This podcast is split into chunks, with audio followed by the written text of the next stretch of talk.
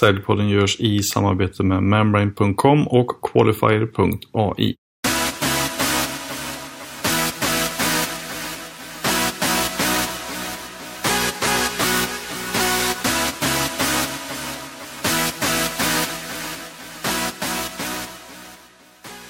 Idag i Säljpodden har jag med mig två stycken superentreprenörer, nämligen vdn för Löven Group Beauty, Pingis Adenius och Rickard Lyko, vd för hårvårds och skönhetsspecialisten Lyko.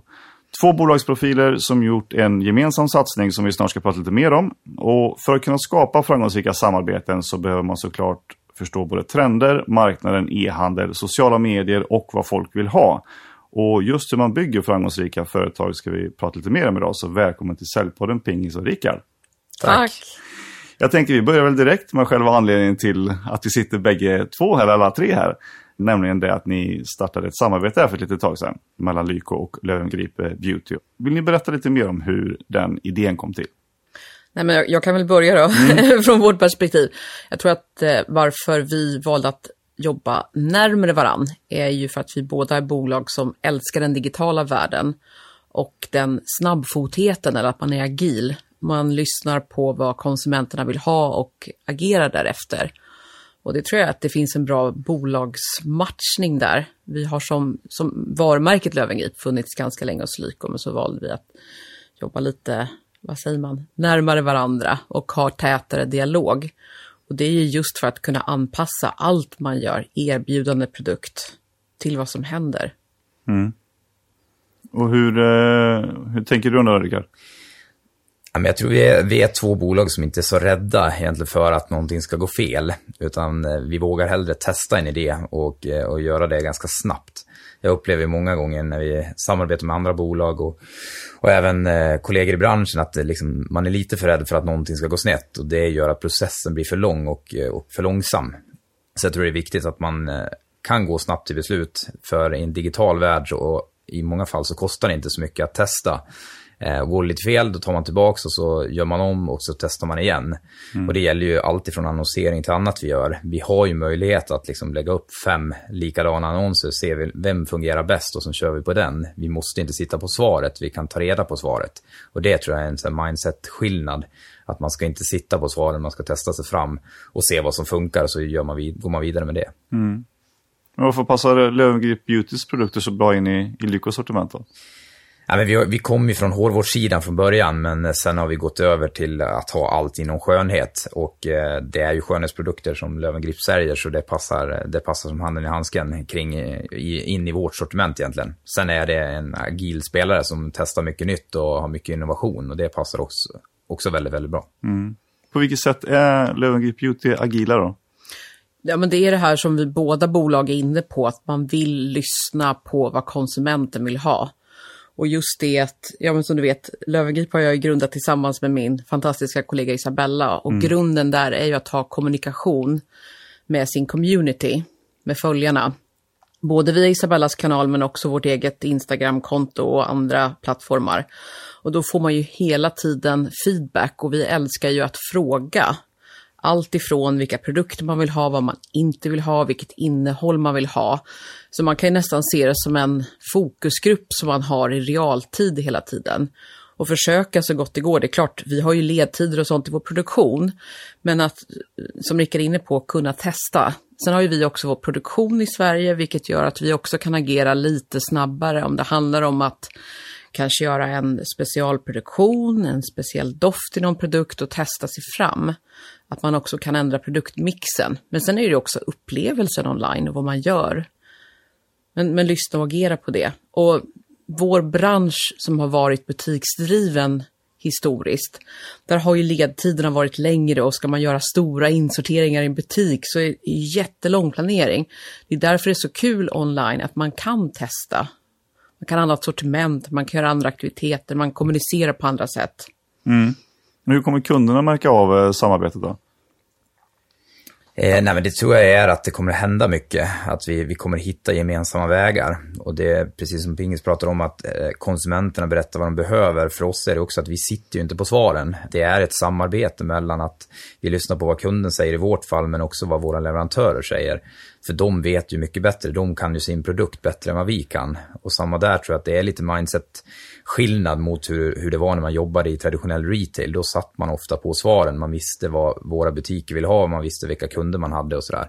Och det vet vi inte på samma sätt längre för vi, vi är så pass breda och så pass eh, varierande egentligen i målgruppen. Det är svårt att säga exakt hur vår kund ser ut också, för det varierar också vad det är för mindset hos kunden. Mm. Och vi behöver egentligen inte veta det, för många gånger så kan vi anpassa när vi annonserar utifrån vad som fungerar, när vi tittar på datan och optimerar utifrån det. Jag behöver inte liksom sitta på svaret att vår kund ser ut så här för att jag ska köpa en tv-spot som är just i, mot den här målgruppen. Mm. Så mycket handlar om att, att inte sitta på svaren utan att lära sig under vägen och, och ta reda på svaret uh, as we go. Mm.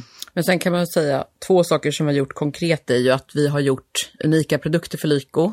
Det man kallar för limited editions. Och det är väl någonting som konsumenten gillar idag, att man får unika produkter eller upplevelser. Och sen eh, testar vi redan nu. Och sen har vi gjort någonting som är väldigt roligt att jobba med är ju innehåll, utbildning, information, det vi kallar för content. Mm.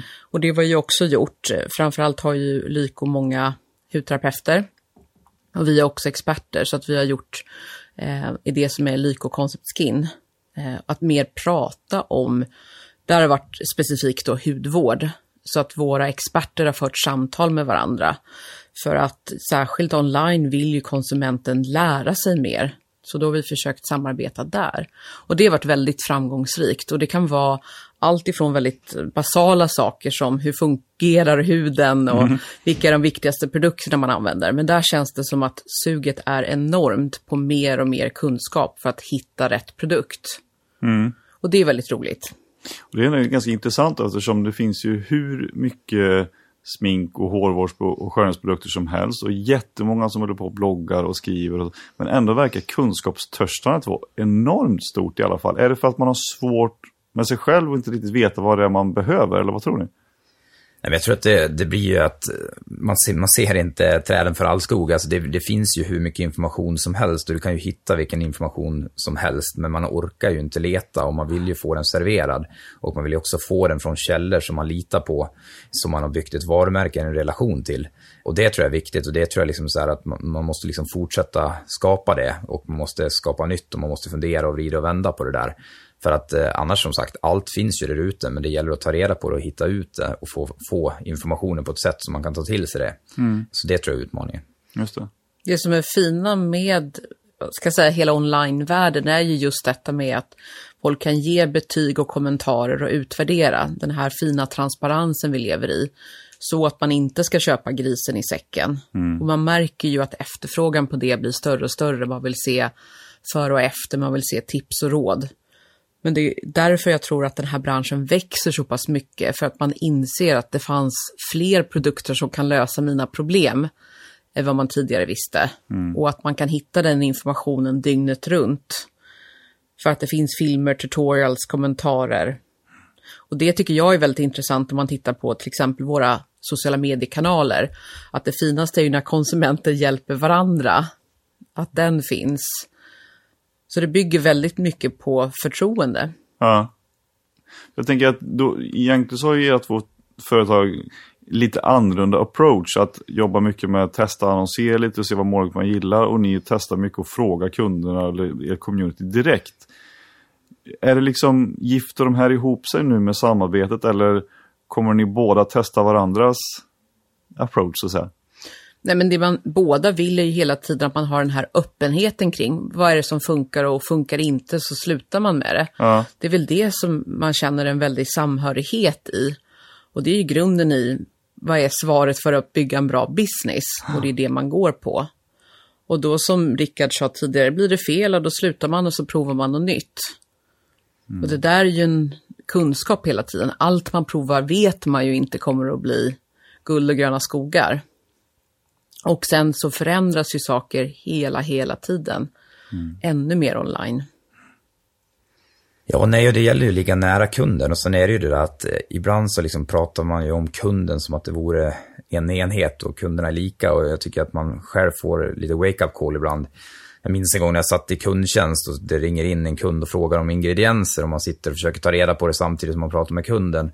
Och så nämner kunden i farten att hon är kemist. Och då vet man ganska fort att det, det är inte jag som sitter på svaret här, men jag kanske kan fortfarande tillföra något och hjälpa henne hitta de svaren hon söker. Men, men det är ju liksom också en skillnad där, för hade man tittat tillbaka för tio år sedan, då kanske vi som retailer ofta satt med svaren, vi var experterna. Men i, idag så är det inte säkert att det är så. Det kanske är kunden som är experten och vi behöver bara hjälpa kunden. Vi kan inte sitta alltid på svaren och det måste vi vara trygga i att vi inte alltid har. Utan vi, vi kan alltid hjälpa kunden att försöka hitta svaren, men det är inte alltid vi har dem. Nej. Ja, det tycker jag är väldigt fint idag. Att det handlar inte alltid som du säger om att man måste veta allting till 100 procent. Det viktiga är att man svarar och försöker vilja svara. Det är Ja, att man, viktigare. vå- man vågar vara transparent också med att man inte har svaren egentligen. Och det är ju väldigt stor skillnad mot eh, hur det var, i, eller är, i de som sysslar med traditionell försäljning. För att där, eller hur det var kanske för 20 år sedan också, att när säljaren kom, hade all information, kunden visste egentligen ingenting om produkten. Och nu så är det precis tvärtom då, att vill man ta reda på det så tar man reda på det. Och då vill man hellre bli bemött på den nivån som man själv befinner sig på för att liksom få det värdet som företaget kan ge i sådana fall. Och det är ju skiftat väldigt mycket. Nej, och det, det är ju en jätteskillnad också med så som Löfgrip tar fram sina produkter. Det är klart att tittar vi traditionellt på våra andra leverantörer, så jag menar när vi, vi började, då var det ju faktiskt så att det kom en säljare var sjätte vecka. Säljaren kom och berättade vilka nya produkter det kom och det var så man först upptäckte det.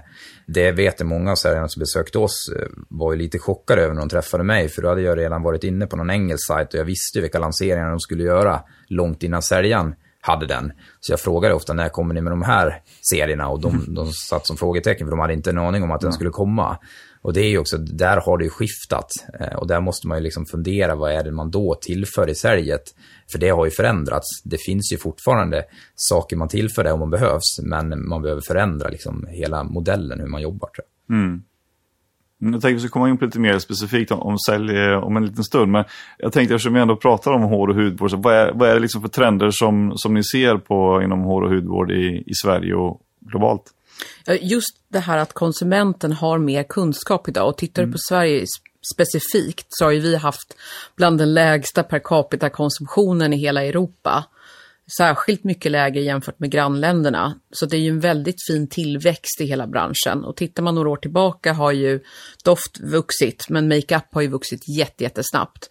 Och det är intressant för nu växer mer, vad ska jag säga, högkvalitativ avancerad hudvård. Och det är också ett steg att först tänkte man inte alls kanske på att huden behöver bra hudvårdsprodukter för att det ska bli en snygg makeup. Utan man köpte massa makeup och sen insåg, fick konsumenten lära sig, behöver bra hudvårdsrutiner också.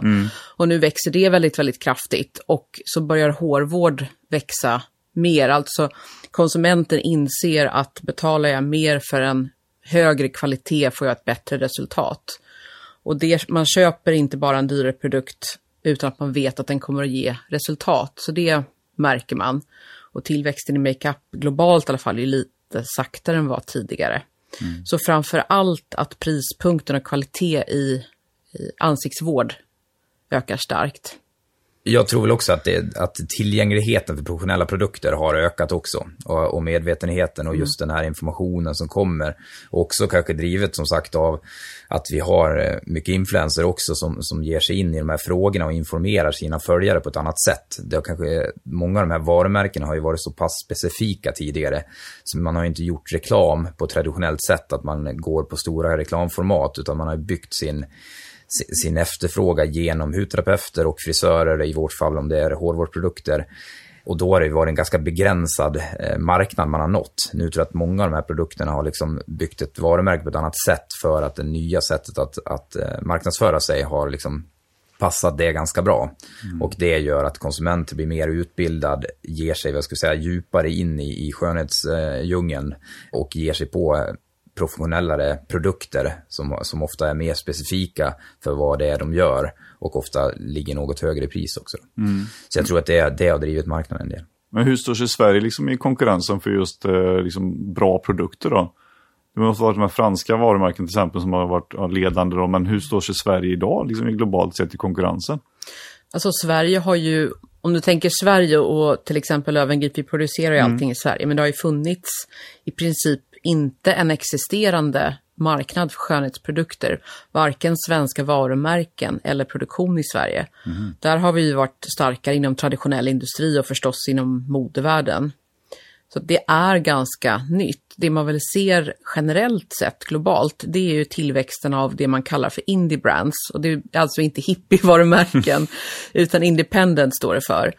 Och där är ju trenden väldigt stark att många varumärken som kanske lanserar bara en produkt. Och då kan man ju tycka vad konstigt det är. Men det är ju återigen att det är så otroligt mycket som kommer ut hela tiden. Så tydligheten i det gör att många slår sig fram på den vägen. Sen har ju väldigt mycket skönhet kommit ur modebranschen och därav är ju klart Frankrike starkt och det har haft L'Oreal. Och sen har det förstås, eh, så till exempel haft L'Oreal i Frankrike som en stor spelare och sen har du ju Estée Lauder i USA som har varit väldigt, väldigt starka. Mm. Men de har ju också på senaste åren köpt upp jättemånga av de här nya varumärkena mm. också. Så att ur ett ägarperspektiv är de fortfarande giganterna med både sina gamla etablerade varumärken och nya. Just det. Men ser ni att trenden är liksom lite mer att svenska företag vågar lansera svenska produkter på den lokala marknaden för att sedan sprida det? Ja, men jag tror att liksom tröskeln för, eller tröskeln kanske fel ord, men att ta sig in på marknaden och, och nå ut till en publik tror jag har konkurrensen är fortfarande stor, men jag tror det har blivit enklare att ta sig dit och att man kan nå en större marknad. Man behöver liksom inte bygga upp en struktur för att ta sig ut på marknaden på samma sätt som man behövde tidigare. För tänker vi Estée Lauder och, och L'Oreal och de här, de har ju suttit på mycket av distributionen för att ta sig ut i ett butiksnät ute i Europa och nå en tillräckligt stor publik för att kunna producera produkter. För det är fortsatt så att du behöver ju producera ganska stora batcher, vilket kräver att du har en ganska stor marknad. Mm. Marknaden för för liten, då behöver du gå ganska bred. Du behöver ett stort sortiment. Och går du på en större geografisk marknad, då kan du ju som sagt gå ner på en produkt och ändå få det att snurra runt på. Och det tror jag är en viss skillnad. Mm. Jag, jag, brukar ta exemplet när jag flyttade hem och drog igång e-handeln eh, tillsammans med mina föräldrar att ligger man i lilla byn Dala-Järna och det är 2 500 personer, då, då går det liksom inte att vara nischad spelare. För då har du en alldeles för liten eh, marknad. Då har du några få personer som gillar det. Och åkte man då till Stockholm så visste man att där fanns det retailers som kunde vara väldigt specialiserade. Det finns en butik för ett behov, mm. för det är en större marknad. Och det är precis det e-handeln har skapat. Att nu kan man vara mycket mer specialiserad som spelare och nå en tillräckligt stor marknad ändå. Mm. Vilket vi ser att det finns må många specialiserade e-handlare som når en större marknad. Och pratar vi inom produkter så kan man nå en större geografisk marknad och man kan vara mycket mer specialiserad, nischad in i en viss målgrupp och ändå få tillräckliga volymer för att driva runt det. Mm. Men sen är det ju beroende jättemycket på vilket marknadssegment man är inom. Mm. Visst kan man hypotetiskt säga idag att du kan lansera ett nytt varumärke och lansera det globalt online. Men vi är delägare i andra e-handelsbolag och där är det ju mycket lättare med en produkt som du snabbt kan skeppa utan massor av eh, problematik med logistiken. Skönhet skiljer sig så pass att ett så är logistiken mycket mer komplex. Vi har till exempel brandfarliga produkter i sprayer och sånt. Det är en jätteknepig logistikfråga att mm. skicka det över hela världen. Mm. Och sen är tyngden, en tung schampoflaska och saker och ting kan gå sönder och förstöras. Så det är inte alls lika lätt som att skeppa en sko eller scarf eller någonting sånt. Men sen är det också det här att det är någonting du ska ha på huden eller i håret och därför är relationen med en butik eller någon form av upplevelsecentrum om man så säger som Rickard var inne på, att är det kanske då en specialist man har träffat, eh, det är en frisör eller hudterapeut som har visat produkten eller rekommenderat den. Så att just inom skönhet så hänger det här fysiska varumärkesbyggandet ihop mycket med e-handelsvärlden. Och tittar man, man pratar väldigt mycket om millennials, hur de shoppar, tittar också på globala trender, så just inom skönhet så shoppar man fortfarande mycket i butik också. Mm. Och kanske upptäcker produkter där. Och sen fortsätter man att shoppa online. Så att det är ett större steg för ett skönhetsvarumärke att etablera sig internationellt. Sen kan du titta på exempel som Glossier till exempel. Men det tycker jag mer är som ett eh, snabbfotat modevarumärke, fast fashion. För man har fokuserat på billiga produkter som är roliga och då vågar man köpa ett lipgloss för 90 kronor för att det är mm. roligt. Men du går inte på samma sätt och köper en dyr avancerad hudvårdsprodukt av ett märke du aldrig tidigare har hört någonting om eller testat. Så det är ganska olika hur man kan snabbt bygga e-handel internationellt beroende på produkt. Mm. Är det det som gör skillnaden också? Att liksom de här större företagen, visst de lanserar olika typer av serier då, men att man ändå inte har någon relation med de företagen. För man, då måste man söka upp en hudvårdssalong kanske då som har varumärket, annars vet man inte vad det är och då väljer man någonting annat därför att man har träffat en hudvårdsterapeut som har Dermgip Beautys grejer kanske istället. Och då köper man hellre det. Men det här relationsskapandet då, tror ni fortfarande att det kommer vara viktigare när, man, när handeln liksom flyttar ut på nätet? Ja, samtidigt kan du ju göra otroligt mycket online genom kundservice, genom utbildande material, filmer, livesändningar, frågor. Så att det är ju egentligen en fantastisk kunskapskanal mm. och att den finns tillgänglig dygnet runt. Mm. Ja, sen tror jag som sagt det är ju att bygga en relation till kunden, vilket är att bygga ett varumärke. Sen om man gör det genom det fysiska mötet eller genom eh, digitala kanaler så tror jag att kombinationen tror jag är den bästa. Men att man måste bygga relation till kunderna för att de ska förstå varför man ska välja just den här produkten. Det, det tror jag absolut är fortsatt viktigt. Sen finns det olika vägar att ta sig dit. Sen är det en viss skillnad på hudvård, där är man ju mer trogen. Smink har man lättare att byta ut och testa och hårvård någonstans däremellan. Mm. Men det är klart att har man avancerade produkter, det tar ju längre tid att bygga en sån relation och få kunden att förstå varför det är rätt val att välja de här produkterna. Och det är ju väldigt svårt att göra det endast digitalt. Mm. Då är det lättare med produkter som ligger i en lägre prissegment såklart. Mm. Hur är liksom återköpsfrekvens då på de dyrare produkterna jämfört med de lite billigare? det beror ju helt på från produkt till produkt. Ehm, om produkten är bra eller dålig Aha. är väl också en, en, en, faktor som spelar in där. Men, men det är klart att en kund som har fått en produkt som fungerar, den är man ju trogen ska jag säga. Och då är ju återfrekvensen väldigt bra. Vi, vi brukar se det lite så när jag pratar med vår kundtjänst också. Att en kund handlar av oss eh, och allting fungerar väldigt bra. Men en gång av tio så gör det inte det. Och det är då någonstans vi som varumärke kan visa vad vi står för. För det är den gången kunden ringer in, det är då vi ska lägga tid på kunden och visa vad, vad vi är bra på och hur vi kan hjälpa kunden. Mm. För när allt fungerar bra, då är det ganska lätt att driva e-handel och, och, och bolag. Utan det är ju när någonting går fel som man verkligen har chansen att visa kunden och bygga en relation till kunden, för det kommer ju en kund ihåg. Och det är samma sak vid det fysiska mötet. Får du ett sätt att göra en impression på kunden, visa den här produkten och prata med kunden, och i, i de här fallen där det, man spenderar tid i en behandling eller man blir klippt eller man går på en hudbehandling. Det är klart att när du spenderar tid med ett varumärke en timme så gör det en skillnad mot att du ser en annons som, som flashar förbi på en Facebook-annonsering på några sekunder. Mm. Det tar tid att bygga en relation till en kund mm. och, och, desto mer tid du får med kunden desto bättre kan du bygga den relationen. Mm. Det har ju mycket med produkt som du säger om man byter eller inte. Vi har haft en deodorant i många år som heter Count on Me och den, den säljer ju alltid jättemycket och stabilt. Mm. Det är en enkel produkt att lita på. Att kanske byta deodorant är kanske inte det mest spännande heller. Jämför man med då makeup eller med styling exempelvis och ens frisyr i alla fall som kvinna är man mer benägen att testa, variera, flera dagar i veckan. Och samma sak med hårvårdsprodukter. Och idag också när det finns ett större inslag av kanske, vi har silverschampon till exempel och sådana små effekter du kan få i en produkt. Mm. Det påverkar också valet mycket. Mm. Nu har ju, som i Lykos fall så har ju ni eh, växt dels då genom eh, att ta in nya produkter men också att eh, ta över salonger och få in varumärken där. Och jag tänker att ni har också använt salonger som en kanal för Eh, distribuera era produkter. Och nu gick ju ni här i, veckan som var och, och eh, pressmeddelanden som givet att ni nådde miljarden här i omsättning. Och mm, ni är ju någonstans i 100 miljoners klassen här också snart med Löfven Beauty. Hur viktigt har det varit att liksom spränga miljardvallen i, i ert fall? Jag tror, alltså i en digital värld där man både är digital och i en fysisk värld så behöver man vara mycket större för att klara av att bära den kostnaden. Vi måste vara bra både på fysisk handel och i en digital värld och vi behöver mycket overhead för att liksom kunna driva det bolaget. För det är betydligt mer komplext nu när man behöver vara i alla kanaler. Så jag tror att det som tidigare var ett stort bolag eh, är något mycket större idag. Och för att vara ett litet bolag så behöver man också vara ganska stor för att överleva i en sån här värld. Mm. För konkurrensen är ju tuffare och man behöver större volymer för att kunna bära den kostnadsmassan som det kräver för att vara konkurrenskraftig i, i en digital värld. Man tänker att allt har blivit mycket billigare på grund av att det är digitalt, men det kräver ju snarare ännu mer resurser för att liksom bryta igenom där.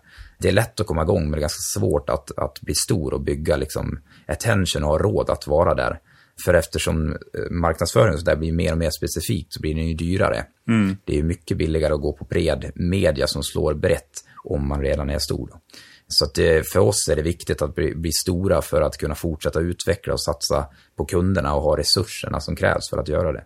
Mm. Och i ert fall då?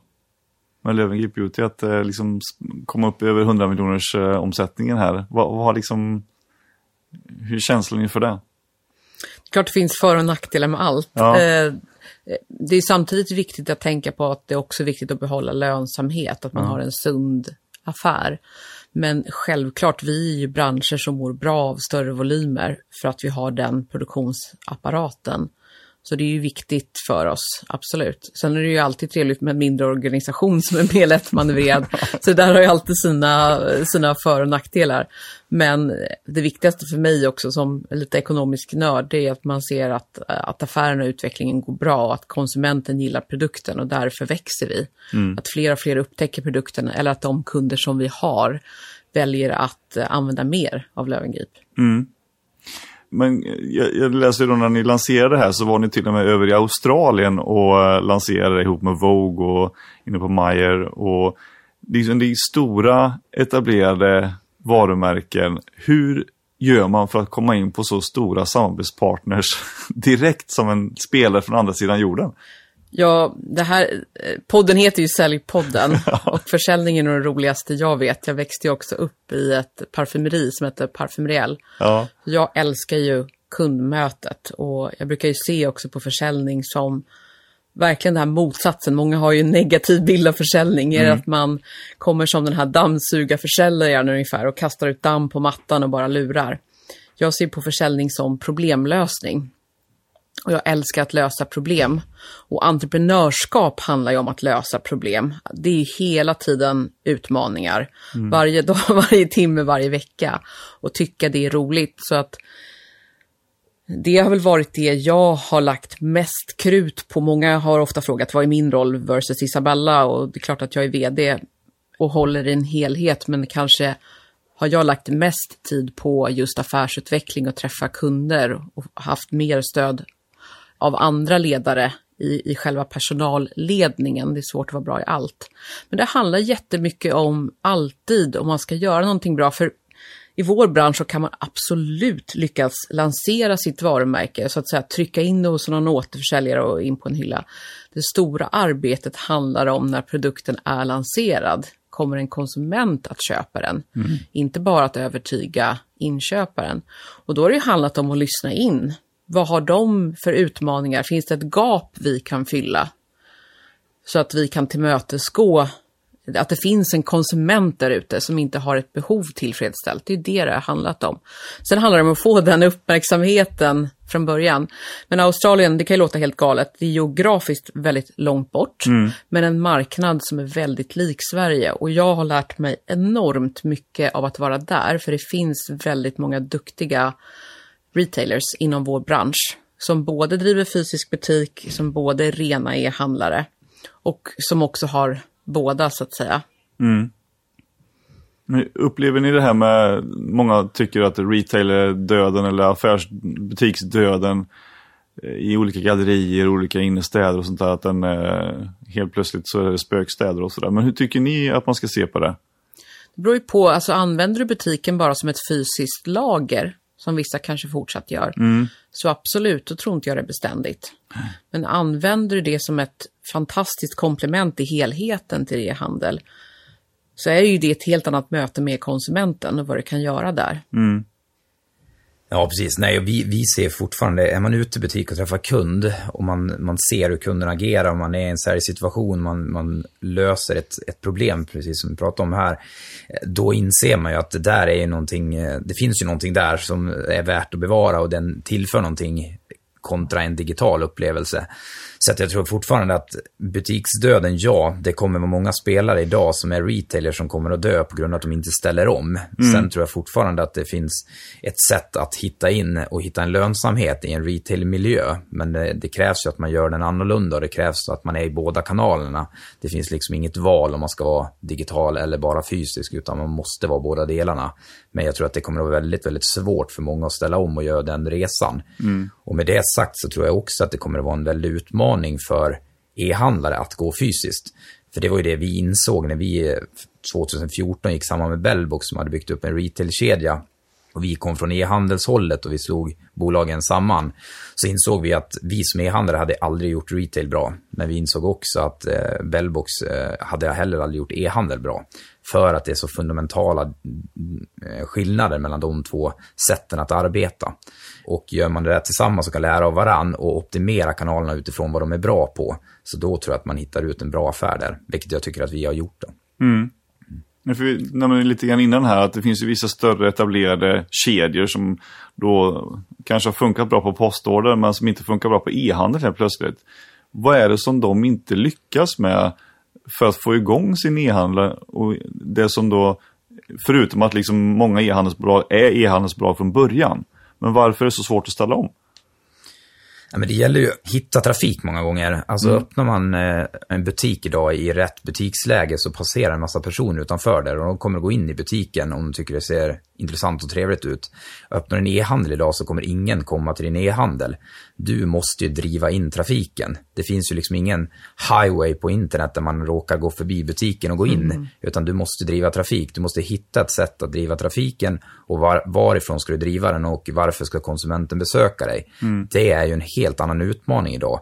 Det är ju någonting helt annat att driva en butik där du har ett flöde och där tror jag många missar. Man tror liksom att ja, men om vi lägger upp vår e-handel, då kommer det att strömma in ordrar, det kommer komma massa trafik. Men så är det ju inte, utan den måste du antingen köpa eller driva in på något sätt.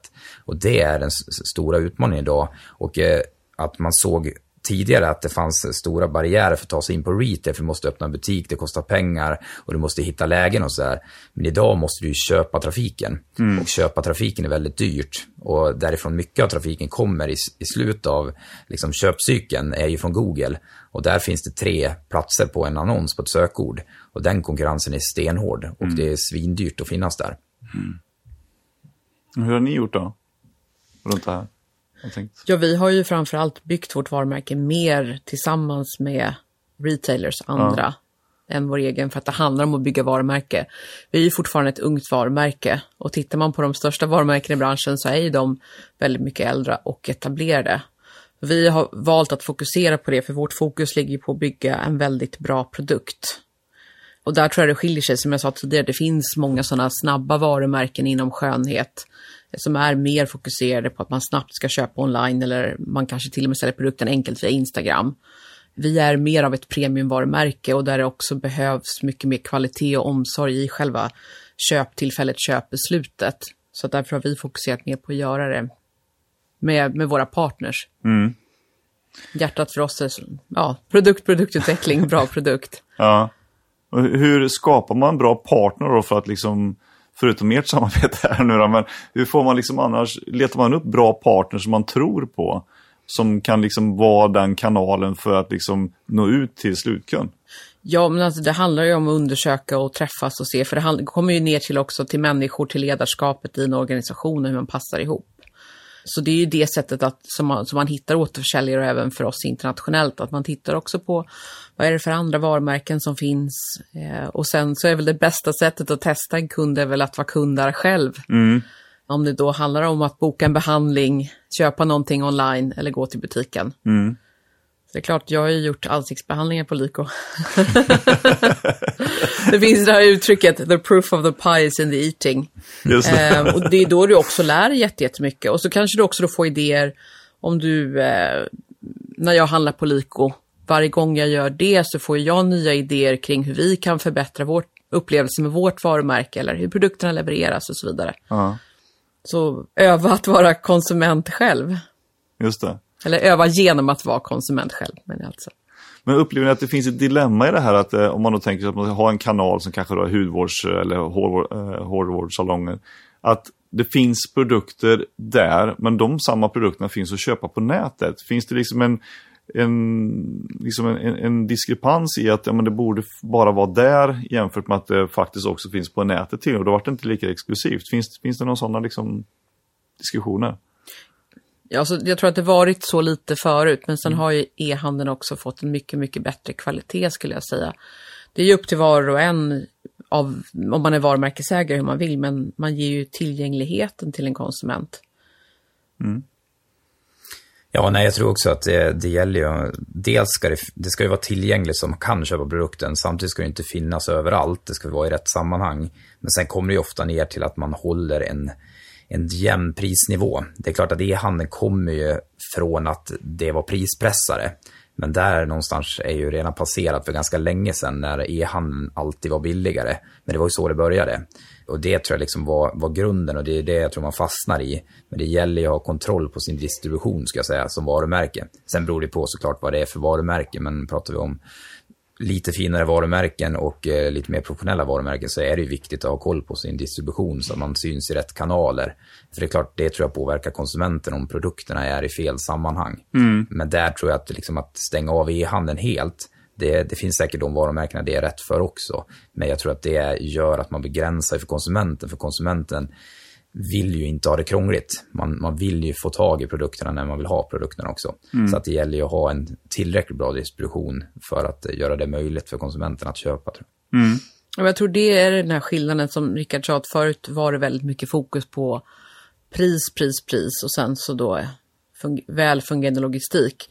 Jag har till exempel pratat mycket med LVMH-gruppen och de är ju en sån, vad ska jag säga, bolagsfamilj där man har varit kanske emot det. Men där handlar det om att du kan göra hela e-handelsupplevelsen väldigt premium, väldigt exklusiv.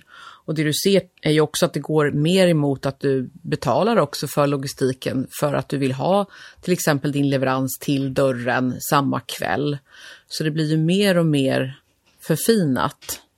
Men självklart ska man värna om sitt varumärke och se hur man säljs både i paketering och pris. Och det är jätteviktigt för oss. Mm. Men du ser ju att e-handeln kvalitetsupplevelse hela tiden förbättras. Och de som tar mark har ju verkligen bra koll på just den här leveransupplevelsen. Ja, det är hela vägen. Mm. Eh, det är också en sån sak som jag tror kommer att distingera vilka som, som växer inte. Hur är hela köpupplevelsen? Från hur man hittar sin produkt, servicen, kundservicen och betalningen framför allt. Mm. Och det är precis på samma sätt. Jag menar, går du till en Chanel-butik, där du, liksom hur bemötandet i butik, det blir ju mer och mer, ska säga, granskning av det online också. Mm.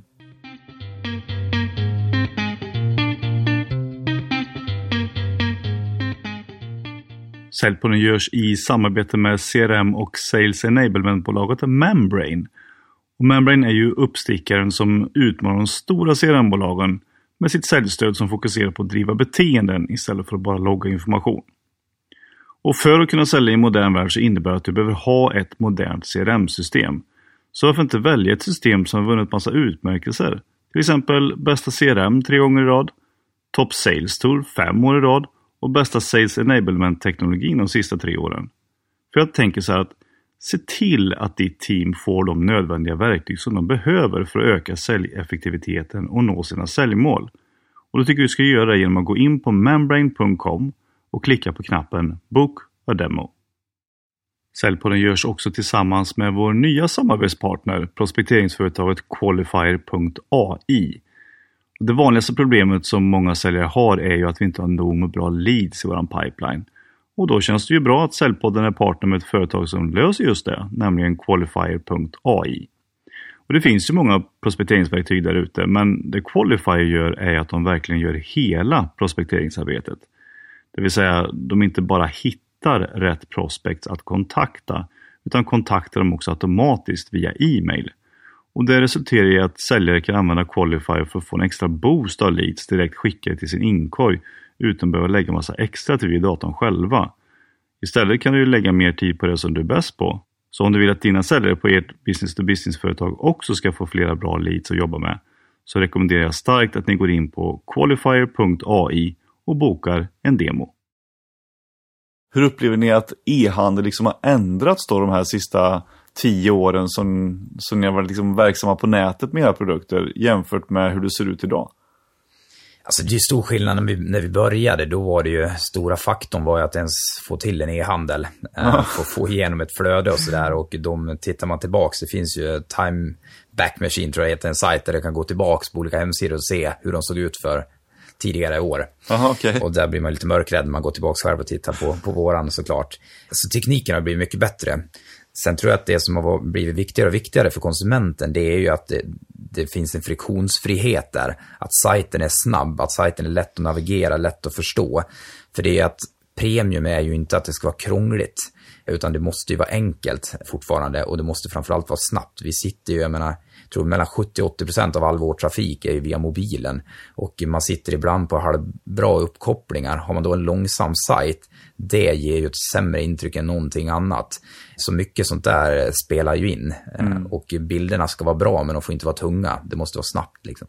Så att, eh, jag tror att det, det är mycket där som har förändrats och eh, det, det handlar ju om att eh, tillföra det kunden behöver. Man vill ha friktionsfri handel, man vill få den information och den känslan kring det varumärke man köper.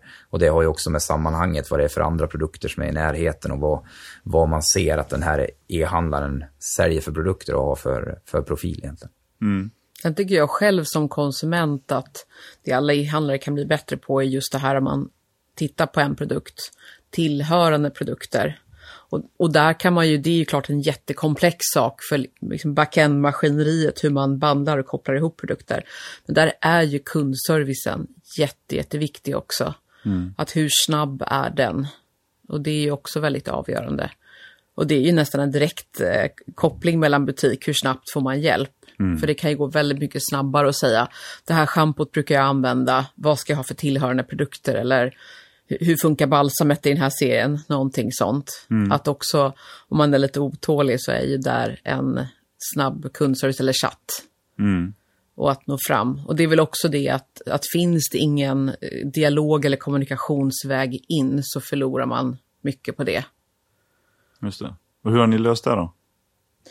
Alltså för vår del så återigen, vi jobbar ju väldigt mycket genom våra retailers som vi har med Lyko, men vår kundservice på vår egen sajt är ju, vi jobbar inte så fokuserat med att sälja via vår egen sajt, för vi, det är inte, vårt fokus är återigen bra produkter och jobba med produktutvecklingen. Det är, det är vårt fokus och vår core. Men den sajten är väldigt, vår, alltså lövengrip.com är väldigt viktig ur upplysningssynpunkt. Att vi publicerar artiklar, vi berättar om nyheter och vad som händer och att vi lär oss jättemycket genom vår egen kundservice. Mm. Vilka frågor vi får och det är jätteviktigt i vårt arbete framåt. Mm. Och är det e-handelns dilemma det, att man blir lämnad så att säga till en eh, robot, eller man ska säga då, som inte eh, finns ingen människa bakom. Och att det är ett misstag som många gör, att man låter det gå på automatik istället för att ha en direktkontakt med sina kunder. Jag tror absolut det och jag tror att man underinvesterar i det. Det är lätt att skära ner på kostnaderna, men det räcker ju med, för vårt fall, många outsourcar ju sin kundtjänst. Ja. Vi har allt in-house och går du upp till kundtjänst och sitter och pratar med kundtjänst så inser du ganska snabbt varför du ska ha den in-house. Det är ju där vi upptäcker felen. Och jag menar, kundtjänst, har de fått eh, två kunder som ringer in med samma problem, då är det ett stort problem. Får du en rapport från en, en extern partner där det står att 0,001% har det här problemet, då låter man det vara. Mm. Men när du sitter med en kund i telefon, då tar du tag i det problemet och vi löser det problemet. Och det är klart att det finns ju en uppsida för oss att investera i relationen och investera i den tiden. Men på kort sikt så kostar det för mycket pengar förmodligen, men på lång sikt så är det helt rätt. Och där tror jag bara att man måste fortsätta investera. Man har lätt, många bolag tror jag har lätt att lägga väldigt mycket pengar på marknadsföring och så skär man ner på kundtjänst. Och det är ju kundtjänst som bygger varumärken mer än, än vad någonting annat gör. Och det spelar ingen roll hur bra och hur mycket man trycker den andra marknadsföringen om man ändå inte levererar när man är i kontakt med den. Och det är samma sak som det gäller ute i våra butiker. Det är klart att vi måste ha bemanning så vi kan ta hand om våra kunder, annars kan vi hellre slå igen butiken. Mm. För kommer du dit och får en dålig upplevelse, då är det sämre att ha butiken. Så jag tror, att det, jag tror att det är lätt att underinvestera där för att man inte sätter sig in i det och att man inte ligger nog nära kund. Och det är ju kunden, det är ju där vi lär oss och det är där vi blir bättre. Så jag tror att det är många som borde lägga betydligt mer pengar på den delen och inte mäta den utifrån hur många de behandlar. Vi mäter ingenting på vår kundtjänst, hur många ärenden de behandlar. Vi mäter bara på hur nöjd kunden blir med det, den relationen eller det svaret de fick när de kontaktade oss. Mm. Det är ju oerhört viktigt att, att hjälpa en missnöjd kund. Och, och tittar man idag också på, vi pratade tidigare om trafik och hur får man trafik till sin sajt och hur blir man upptäckt.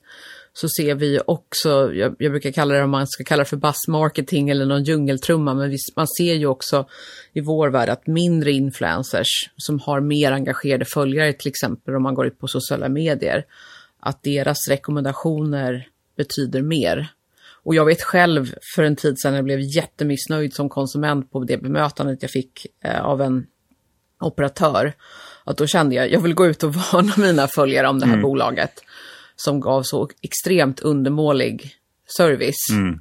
Så att det är ju väl, som varje kund är väldigt, väldigt viktigt. Och det är ju genom en missnöjd kund du lär dig att utvecklas. Och sen särskilt i vår bransch så handlar det väldigt ofta om missförstånd. Produkterna har man använt fel eller väldigt, väldigt mycket är det upplysning, gör om, gör rätt. Mm. Än kanske med en tröja, den här var för liten, jag behöver byta storlek. Ja, just det. För man blir mer och mer känslig för just det här med kundservicen. Eh, och så sent som igår på en restaurang och åt och tänkte jag, men varför är hon så sur när hon kommer? Hon berättar ingenting om maten, hon bara ställer fram tallriken och går. Liksom går knappt att få kontakt, får ingen, kan knappt ta betalt. Alltså, eh, vad, ska jag säga åt henne? Eller ska hennes chef säga åt henne? Eller vem ska jag göra? Tänker man ju. Man är väldigt känslig för dålig service nu för tiden. Nej, vi har ju en budget på varje kundtjänstmedarbetare som de måste spendera varje månad. Och det är egentligen att de får lägga på och skicka blommor eller choklad till, till våra kunder mm. i de fallen de känner att det här är en kund vi borde göra något extra för. Och det är ingenting vi säger till kunden eller gör någonting med, men de får skicka det efter avslutat eh, ärende egentligen. Och då, den måste de göra slut på varje månad, den får inte finnas kvar. Det är snyggt. Mm, men jag tror också det är liksom just det mindsetet att få hos dem att det liksom oss kostar det mer att kunderna blir missnöjda än någonting annat. Var inte effektiv i ditt kundtjänstbemötande, var bra i ditt kundtjänstbemötande. Och bara få hela kundtjänst att, att gå på det och liksom se till att gör vad som krävs för att lösa situationen även om det här kostar mycket på en kund så är det värt det. Mm. Och det, är liksom, det gäller bara att hela organisationen andas det och förstår det och har kunden i liksom första rum.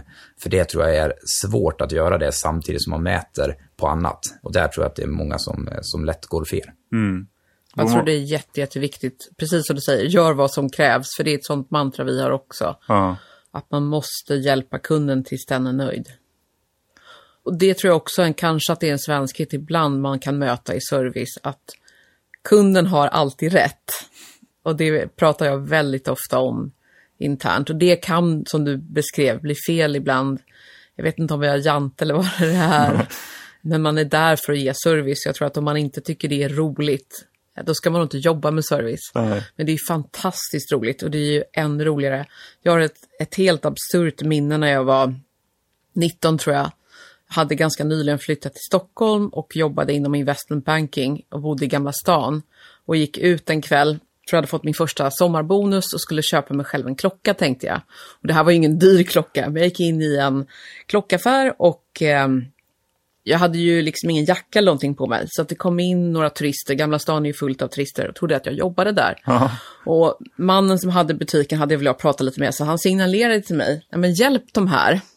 Så det slutade med att jag sålde klockor där en kväll. Jag har aldrig gjort det sen. Men då minns jag just hur en sån här typisk Östermalmsdam kom in. Och jag kunde ju ingenting om klockor. Men jag frågade bara henne, jag tittade på vad hon hade på sig, hur vi kunde matcha, vad ska man säga, uret med hennes övriga attiraljer och allting och hon köpte en klocka för 15 000. Vilket var astronomiskt för mig. Och kvällen slutade med att jag fick en klocka som tack. Jag gick alltså. aldrig tillbaka dit, men för mig var det en sån fantastisk upplevelse i det här. Du lyssnar, du försöker lösa ett problem, tillmötesgå kunden. Jag spenderade säkert en halvtimme med henne mm. och det var så roligt. Nej, vi, så som vi också jobbar en del med hemsidan det, och med kundtjänst för den delen, det är ju också det där att som sagt lösa problemet åt kunden och, och, följa med i den. Och även om vi får köpet eller inte, i det här eh, läget då, Pingis tjänade ju en klocka på, på upplevelsen i alla fall, men det visste hon ju inte från start. Nej. Och det är lika om kund söker hos oss på ett varumärke vi inte har, så listar vi fortfarande varumärket, men vi skickar trafiken till, till en kollega i branschen. Det kan vara Kicks, det kan vara Skin City eller någon annan som har det varumärket. Mm. För oss är det viktigare att kunden hittar det de söker och att vi hjälper kunden. Och vi tror att vi bygger en relation med kunden på det sättet, än att vi i varje interaktion försöker tjäna pengar på det kundmötet. Mm. För jag tror att gör vi bara det så liksom i förlängningen så kommer vi att nå dit i alla fall. Men det gäller liksom att ha kunden i fokus, hjälpa kunden och se till att kunden blir nöjd.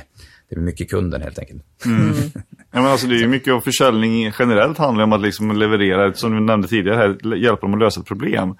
Och jag menar, kan man inte göra det med hjälp av sin, sin service att bygga trovärdigheten och relationen? hög trovärdighet är ju just att referera till någon annan då om man inte själv har produkten bara för att kunden ska bli nöjd. Men om vi backar lite till grunden här med att ha företag handlar om att sälja en produkt eller lösa ett problem. Hur är ni själva som säljare? Du menar i vilket läge? Ja, ja. generellt.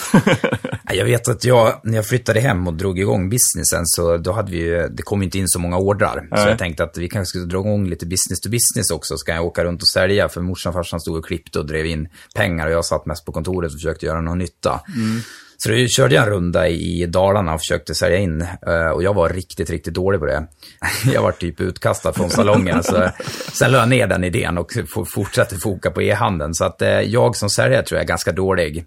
Jag kan vara okej okay ute i butik, framförallt tidigare, för då la jag in alla produkter själv på sajten. Och då kunde jag väldigt mycket om alla produkterna. Men eh, nej, det är inte min starkaste sida. Varför tror du att du inte lyckades i, i butikerna? Ja, jag tror jag, jag, är för dålig på säljmomentet. Jag är för dålig på eh, att mötet med andra människor, tror jag. Eh, det är inte min starkaste sida. Och eh, jag förundras ju av säljare som går in i varje möte om och om igen med samma entusiasm och berättar samma saker. För mig är det så här, jag tröttnar direkt. Och det tror jag, det tror jag de jag träffar inser också och känner. Så att jag, nej, jag är inget bra på sälj, tror jag. Tyvärr. Omger du dig med andra som är bra på sälj då för att distribuera kunskap vidare? Eller hur har, hur har ni gjort det? Alltså våra, våra, ute i våra butiker, de är grymma på sälj. Mm. Och eh, de som driver butikerna är också grymma på det. Så att eh, de gör ett fantastiskt jobb kring det. Så jag behöver inte vara bra på det. Men du menar, det är inte dig de har lärt sig av alltså? Mm. Nej, det är det verkligen inte. Men det gäller nog fler områden. Men, eh, men just säljen, nej, det klarar det inte heller. Mm. Men du har ju varit en grym säljare har vi förstått här. Jag började väl med att sälja eh, lördagsgodiset jag fick av pappa till mamma. Jag brukar säga det, jag sparade i en låda hemma. Sen har jag varit så här e- extrem ekonomisk också. Jag tror att jag var ännu yngre när jag och min syster började plocka blåbär på landet och sälja det. Så det har alltid, alltid varit i mig. Men jag är ju på kanske en lite knäpp nivå. Jag berättade den där klockhistorien och sen så en annan sak minns jag var när jag, jag läste under en period på universitetet i Singapore och då minns jag just när jag skulle resa hem att jag åkte ut flera timmar tidigare till flygplatsen. Eh, asiater har ju klassiskt kanske inte varit så bra på försäljning på det här sättet att lyssna, våga föra en dialog, ta reda på vad är problemet, vad är behovet. Och då tyckte jag det var så otroligt kul att gå runt där och så dök det upp personer som behövde hjälp och så frågade jag, ja, jag kan hjälpa dig. så så gjorde jag och sen så kan man säga växte jag upp på en parfymerikedja som heter Parfymeriel som sålde selektiva varumärken. Så faktiskt flera år efter att jag egentligen hade slutat där så hoppade jag alltid in på julen just för att det var, ja det är så roligt. Ja. Och att det, för mig är att det är roligt att lösa ett problem. Och att det är roligt att hjälpa någon annan. Det, det är det som är tjusningen för mig. Mm att det inte handlar om att pracka på någon någonting, utan någon kommer in och så i den här dynamiken med att man frågar. Och jag har jobbat som journalist, det är lite samma sak ja. på ett sätt. Man sitter och intervjuar någon och frågar hur, vad, varför. Och jag brukar säga att försäljning handlar till 70 procent om att lyssna. Att den som går in och bara trycker på med ett erbjudande någonting som inte alls passar den här personen, det blir fel. Utan lyssna, lyssna, lyssna. Mm. Vad tycker ni om säljare då? Själva? Ja, men bra säljare så gillar man ju och framförallt när det är produkter man är intresserad av. Sen är det klart att eh, i många fall så hamnar man i lägen där det är lite för många på rad som, som dyker upp och, och det är klart att i mitt, mitt fall så är, är det ganska sällan jag tar de mötena längre. Men det är klart att det är ju tröttsamt eh, många gånger när man liksom så här man vill så gärna att vårt behov ska finnas där och man gör inte hemläxan. Jag kan tycka att det är väldigt tröttsamt med personer som inte gör hemläxan. Man kommer och man försöker sälja på en produkt som man borde ha insett att det här passar oss inte överhuvudtaget. Men man har liksom inte läst på om bolaget. Och där tror jag att eh, liksom, sälj handlar ju mycket om att eh, göra hemläxan, i alla fall om man säljer lite mer komplexa produkter till bolag ja, men istället för att ta många möten, ta färre möten och ta bra möten. Se till att du läser på och förstår vårt behov. För där liksom, löser ni ett behov åt oss, då är det ju, då upplever jag sälj bra. Men de gånger jag upplever när jag tycker som sälj är dåligt, det är ju många gånger för att det inte liksom är för oss. Och då kan det vara svårt, tycker jag, i ett läge att avsluta i tid på ett bra sätt. Utan att man eh, tenderar att framstå som ganska otrevlig. Mm. Eh, men eh, ja, så det är väl lite så. Mm. Sen är det väl återigen att om man tänker sig att den första försäljningsprocessen, om vi säger att jag kommer ett nytt varumärke och presenterar det för Rickard och så säger vi yes, jätte, jättebra. Och så säger vi att det är några saker som inte går så bra, så det är också återigen, då kommer ett nytt problem som behöver lösas. Att de som jobbar med försäljning och till exempel inte hittar en lösning för en produkt eller service som inte säljer. Det är ju också jätte, jätteviktigt, för det är så man bygger långsiktiga relationer. Jag vet vi hade en kund någon gång som hade lagt en helt felaktig order. Det här klassiska trycket att istället för att man beställer 400 blir det 4000. Mm. Och så fick jag höra om en annan person i branschen. När det hände oss så ville vi förstås, även om det var knepigt för oss för vi hade betalat för de här produkterna och producerat dem, så tog vi självklart tillbaka dem. Men när jag fick höra om en annan person i branschen som hade sagt till den kunden, nej, råkade vi beställa fel så är det är det ert fel, sorry. Mm. Och det är klart att man kan inte säga annat än att den personen hade rätt att göra så, men frågan är ju, bygger man en långsiktigt bra relation? Mm. Det tror jag inte. Nej. Och i det fallet så, så, valde ju de två parterna att gå och skilja vägar, så att det är väldigt viktigt att det är pågående. Jag blir själv väldigt trött på de personer som är säljare och säljer in någonting och sen sticker och sen mm. inte finns där mer eller att uppföljningen är viktig. Mm. Precis på samma sätt som i vår bransch handlar det ju mycket om att i vårt fall från centralt håll säljer man in en produkt, men sen är det viktigt att hur når den konsumenten? Det är ju en annan del i säljarbetet där man måste vara lyhörd. Mm. Nej, där skiljer ju en hel del också om jag tänker, när jag pratar om mer komplexa produkter som säljer till oss, men det är klart när säljare säljer in produkter till oss, där är ju också en jätteskillnad nu när vi inte har så många butiker, vi har 38 butiker, men en liten del av sortimentet är det där. Men det sortiment vi har online, när en säljare kommer till oss och berättar hur fantastisk den här produkten är och hur enorm efterfrågan finns på den, så för mig är det så här att det är inget problem. jag tror dig rakt ut. Jag kommer inte ta risk på det du säger. Jag kommer ta in produkten och se att den säljer, då säljer den.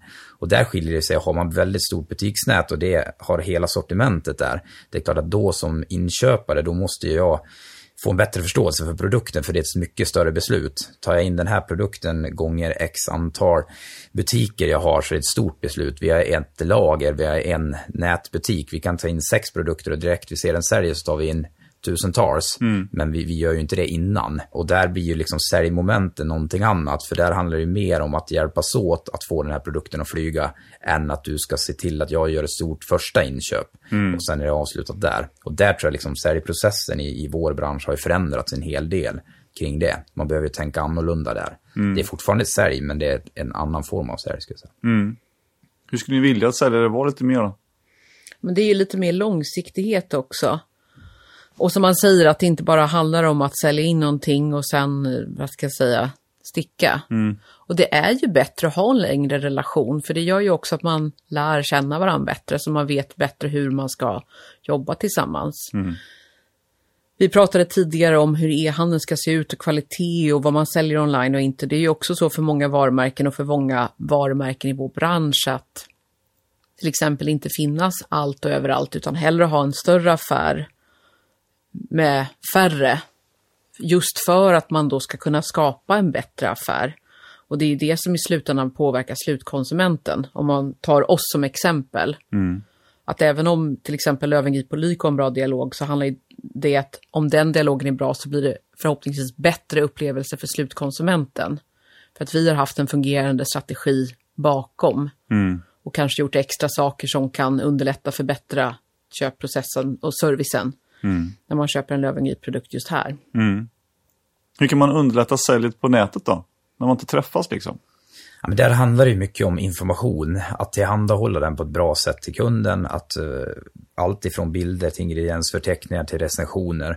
Men sen är det ju mycket att bygga varumärke, alltså genom indirekt sälj, ska jag säga. Alltså där man samarbetar eller på olika sätt bygger relation till kunden genom influencer där kunden har relation med, med en influencer i det fallet och eh, på grund av det eh, jobbar med det. Men sen är det ju också synlighet. Det gäller ju att synas mycket och få, få attention och ha top of mind hos kunden när det är dags för köpet och behovet finns där. Mm. För det vet man ju inte online på samma sätt som i, i en butik. Där är det klart att det är tydligt när kunden kommer in i butiken. Online så har du inte samma liksom, känsla för det på, på det sättet. Mm. Det jag själv tycker som konsument och det är ju, vi har pratat jättemycket om kundservice och den tycker jag är jätte, jätteviktig. Men annars om man själv bara sitter och söker och letar efter en produkt, det är hur så att säga produkter är bandlade med varandra. Går jag in och till exempel söker på en foundation så, och vi säger att jag har torr hy, så mm. tycker jag jättebra om sajten är uppbyggd så att den rekommenderar. För det vet, nu vet ju jag det att för att få ett bra resultat med foundation så behöver min hud må bra och då handlar det om att koppla ihop rätt rengöring, rätt ansiktsvatten, rätt hudvårdsprodukter med det. Och att hjälpa Sen behöver inte det innebära att jag köper, men det visar på en, svår, en väldigt bra service, mm. eftertänksamhet, fler steg. Precis på samma sätt om jag börjar söka på ett schampo kan det vara väldigt bra att visa vilka balsam som hör till och kanske någon annan tillhörande produkt eller rätt borste eller visa sig att jag söker på en mer avancerad hårvårdsprodukt för att jag har extensions säga. Mm. Och det kan också innebära om att man kanske inte bara visar tillhörande produkter utan också här har vi gjort en tutorial på just shampoo för extensions. Mm. Eller vi har den här artikeln, eller vi har det här eventet, vi har en butikshappening. Att liksom visa upp smörgåsbordet på ett smart sätt. Och det är mm. klart att det här är ganska komplex tekniska detaljer som ska ligga bakom, men ju bättre det är, desto bättre. Och det tycker jag jag märker jättestor skillnad och inom mode är ju det särskilt viktigt. För tittar jag på ett par skor så är det klart fantastiskt om jag kan se liksom en tillhörande byxa, kjol, alltså styling. Och det tror jag bara vi har sett början av, hur man kan hjälpa ja, ihopkopplingen helt enkelt. Mm. Och det kan vara samma sak med, med service, det spelar ingen roll om det är en produkt eller service. Eh, för det är upplysning. Mm. För att underlätta så mycket som möjligt. Mm. Visa vad som finns. Mm. Det kokar ner till service ändå i mm. slutändan. ni som har byggt fler, du, ni driver ju åtta bolag som jag fattar, du och Isabella tillsammans. Nej, eh, alltså eller... driver gör vi ju inte, vi är ägare. Eller, det är väldigt ägare, ja. viktigt också att förtydliga att man kan vara precis som man skulle bara vara aktieägare och köpa aktier på börsen, att vi är operativa i Lövengrip. Ja. Jag skulle inte rekommendera någon att vara operativ i flera bolag. Det var det, jag tänkte fråga nämligen. Hur klarar man av det? Att vara, driva åtta bolag i sådana fall? Men då, då är det inte riktigt så. Nej, Nej det skulle jag aldrig ge mig in på. Det, det, är självklart så man har, om det var väldigt, väldigt små verksamheter. Mm. Men det är ju precis på samma sätt som jag i min vedroll försöker fokusera. Jag vet vad jag tycker är roligast och vad jag är bäst på. Och det är helt klart försäljning och affärsutveckling. Mm. Eh, marknadsföring också. Mm. Men jag är inte den bästa HR-chefen, personalchefen. Jag kan hantera administration, jag är ekonom i grunden. Men det är inte det jag tycker är roligast, att mm. gå in och leka controller eller ekonomichef. Så att det är fokus är det absolut. Det är svårt, men försöka styra sin tid så pass mycket att man fokuserar på det som man är bäst på och tycker är roligast. Mm. Vad är det svåraste med att vara vd? Man kan väl ta det här löjliga uttrycket, det är ensam på toppen med det härlig utsikt. Ja, just det. Eh, ja, vad är svårast? Nej, men jag tror väl att det är ju att eh, få en organisation att fungera tillsammans. Att få eh, individerna att prestera tillsammans och få dem att må bra och känna känslan för att driva. För i mitt fall så är det liksom bolaget är så pass stort så min påverkan på bolaget är ju minimal. För mig är det viktigast att få de andra att fungera och vara bra på det de gör. Jag, jag letar fortfarande efter vad jag är bra på. Men jag tror väl någonstans att det kokar ner till att, att eh, skapa drivet i bolaget, få andra att springa på bollarna och göra det de är bäst på. Så det är ju det jag brinner för, att få andra att växa i bolaget och få dem att prestera. Men det är väl också det som är det svåraste. Det tror jag säkert att jag lyckas till och från bättre och sämre liksom så. Och det är mm. människor, så det är, det är en ständig utmaning när det är mycket personal. Vi är väl bortemot 600 personer. Eh, jag har varken koll på alla eller vet vad alla heter tyvärr längre, men det är ju någonstans att, att skapa en, en atmosfär som är bra, en kultur som är bra och sen få den kulturen genom hela bolaget. För det är ju det som blir utmaningen. Att eftersom inte jag pratar med alla eller träffar alla personer så måste jag ju leda genom andra människor och göra det på ett bra sätt så att, att de värderingarna går hela vägen ut och att vi är, precis som vi pratar om här, kunden i fokus och när kunden kommer in så gör vi vad som krävs för att kunden ska bli nöjd. Att få det att hända ute i butik och ute på lager och i kundtjänst med personer som jag aldrig har träffat. Det är det jag tycker är häftigt och hur man gör det på ett bra sätt. Och det tror jag är det svåra med att vara vd. Och att alltid i alla möten med sina kollegor för det är klart att eh, för mig är det också en utmaning att ha en dålig dag. Vissa personer kanske jag bara träffar en gång. Det gäller att göra en bra impression hos dem, hos våra kollegor liksom i alla möten och försöka hålla en eh, hög lägstanivå. Det, det är väl det som är svårast. Du kanske inte är så tokig säljare ändå? Nej, vem vet. Nej men det är ju som Rickard säger, det är ju jätte, jätteviktigt att sätta en kultur och, och få andra att prestera, att man inte sitter där själv. Nu har inte vi lika många anställda, men det handlar ju jättemycket om att få andra att leverera, sätta tydliga mål. Mm. Så att det också blir tydligt hur varje medarbetare ska fokusera och vad man bygger upp för kultur. Och som snabbväxande bolag där det heller kan, vi har ju aldrig haft en manual, så här har vi gjort de senaste fem åren och fortsätter. Så för oss har det varit viktigt också att bygga den inställningen till att våga ta beslut, våga göra fel och i sånt fall snabbt rätta till felen, göra om och göra rätt. Och det har väl oftast varit vår bästa framgång att när någonting går snett, att man snabbt vågar göra om. Att hela teamet lägger sin energi på att försöka lösa problemet, att inte hitta en syndabock, lösa det, komma vidare. Och att vi, ja, egentligen alltid har kommit ur det då bättre, för man har hittat en, en bättre väg. Mm. Men tydliga mål. Och vi har alltid varit väldigt resultat och budgetstyrda, just för att också om det är en mellanchef ska kunna ta sina beslut efter sin budget. Inte att jag behöver vara en central figur som springer runt och tar beslut. Och där har jag alltid skilt på mig själv, jag är ingen chef. Jag springer inte runt och sitter på folks axlar. Men jag är en coach, ledare. Mm.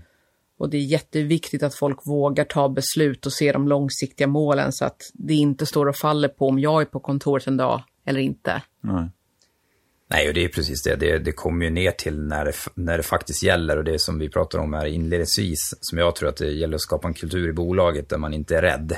Att man vågar göra saker och vågar testa. Men det kommer ju också ner till att när det går väldigt fel, att man då bevisar att den som gjorde det, att liksom vi går vidare och att man snarare försöker höja upp den personen än att man försöker hitta en syndabock. För det är klart att det spelar ingen roll vad jag säger och vad jag skriver i mina policyer och vad vi går ut med, om det i slutändan när det kommer ner till de faktiska fallen inte agerar utifrån det. Och det är väl någonting vi också försöker att eftersträva, att liksom det är okej okay att göra misstag. Jag är mer rädd om du inte gör några. För det betyder att vi inte vågar och inte vågar satsa. Mm. Eh, och vi måste våga testa och våga göra fel. Och det är inte värre än att vi går tillbaka och gör om dem. Sen är det klart att det finns, det finns säkert fel vi ska undvika att göra. Men, men där någonstans, liksom, det kommer ner till när det faktiskt gäller. Att man då också agerar utifrån det man, man faktiskt säger att man ska göra. Mm. Vad upplever ni att ni har eh, offrat då på vägen? Ja, alltså för egen del så vet jag att jag älskar ju jobba så att jag är lite av en arbetsnarkoman men jag är väldigt klar och tydlig mot mig själv att det är den vägen jag har valt. Så att man har inte ett vanligt 8 till 5 jobb. Och för mig har det här med företagande, det var som en lek när jag var liten. Jag lekte företag hemma, jag lekte bank och så vidare.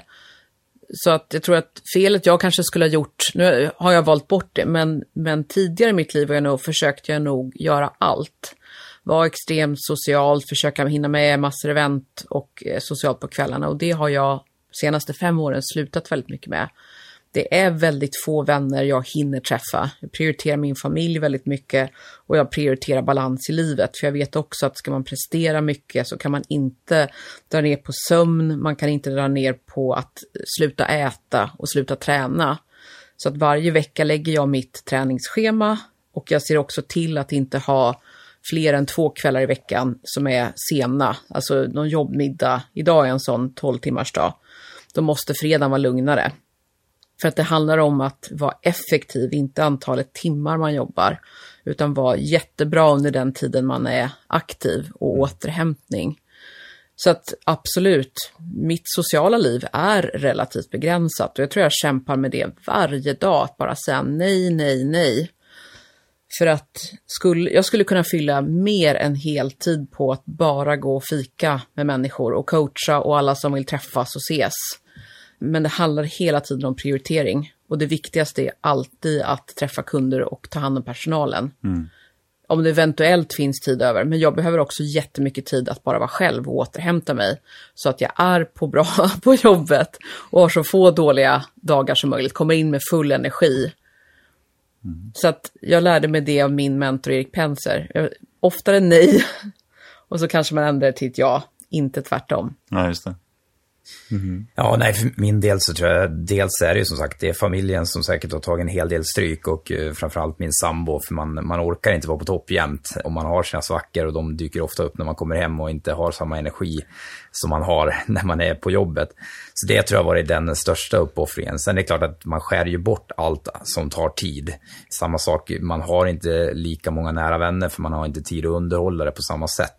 Men också att man tar bort allting som är onödigt. Jag tränar, jobbar och försöker spendera tid med, med familjen. Sen allt annat får man ju skära bort. Sen tycker inte jag att det är så stor uppoffring. Men det är så jag har valt att ha det och, och jag gillar det och jag jobbar väldigt mycket men det gör jag för att jag tycker det är kul.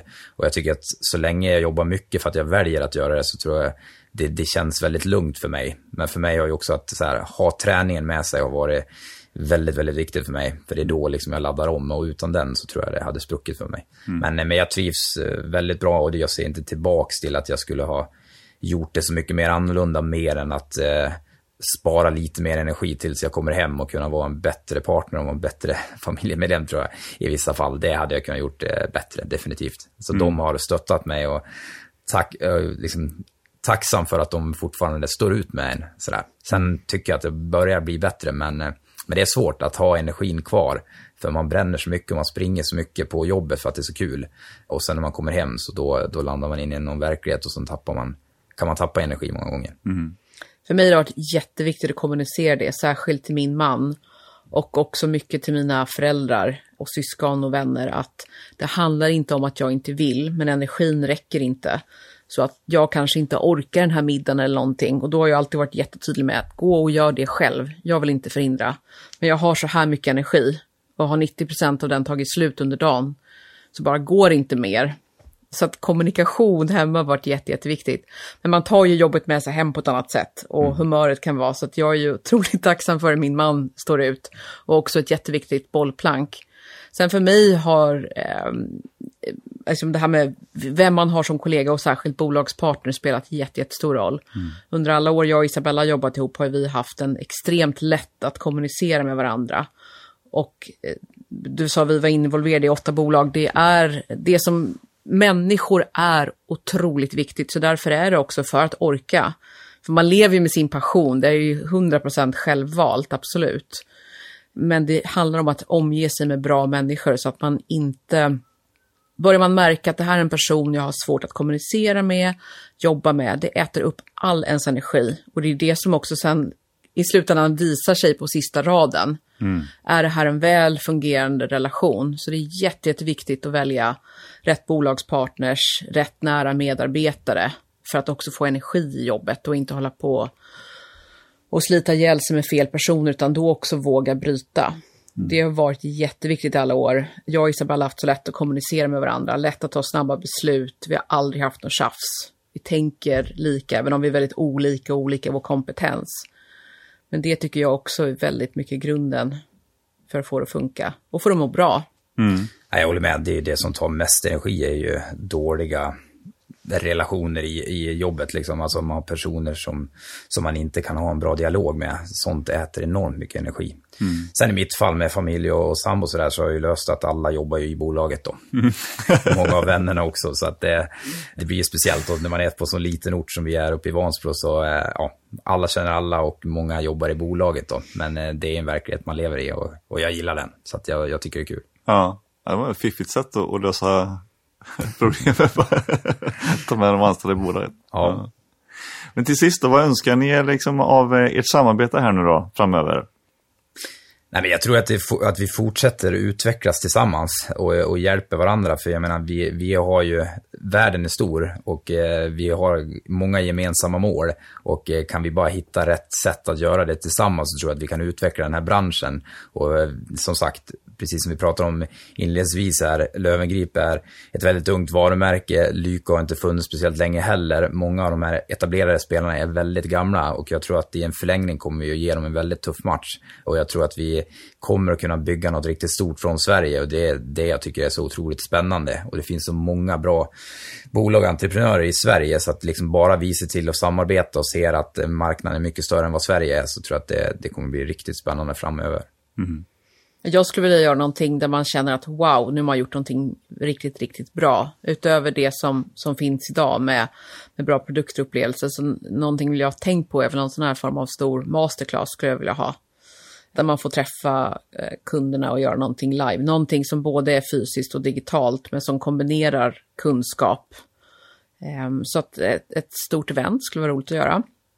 Där man kan delta både fysiskt och digitalt där det är kunskap och lärdom och det kan vara unika lanseringar och sådana saker. Gärna tillsammans med andra leverantörer, för det tycker jag också är viktigt att den bästa konsumentupplevelsen gör ju inte vi med bara vårt varumärke och våra produkter, utan vilka andra som är med. Så att man skulle kunna skapa ett jättehäftigt eh, event och mötesplats fysiskt och digitalt på en och samma gång. Mm. Kanske det är Black Friday eller så är det i februari, vem vet när det passar. Men sen är det, är det så mycket spännande som händer i den här branschen så att man känner hela tiden att man hinner lyssna in, hinner förändra och vara med i den takten som saker och ting utvecklas. Det är hela tiden nya kommunikationsplattformar man ska koppla till och vad händer i sociala medier och känna att man driver framåt på hyfsat rätt sätt. Det blir alltid lite fel på vägen. Men att man känner att man gör någonting bra på resans gång. Mm. Ja, kul. Och att det är roligt. Exakt, ha kul på vägen. Mm. Ja. Pingis Arrhenius, Rickard Diko, tack så jättemycket för att ni var med i Säljpodden och delade med er av era kunskaper och erfarenheter från att driva framgångsrika bolag, e-handel och hur man eh, bygger upp företag. Det var fantastiskt eh, roligt att få ha er med och prata med er. Tack. Stort tack.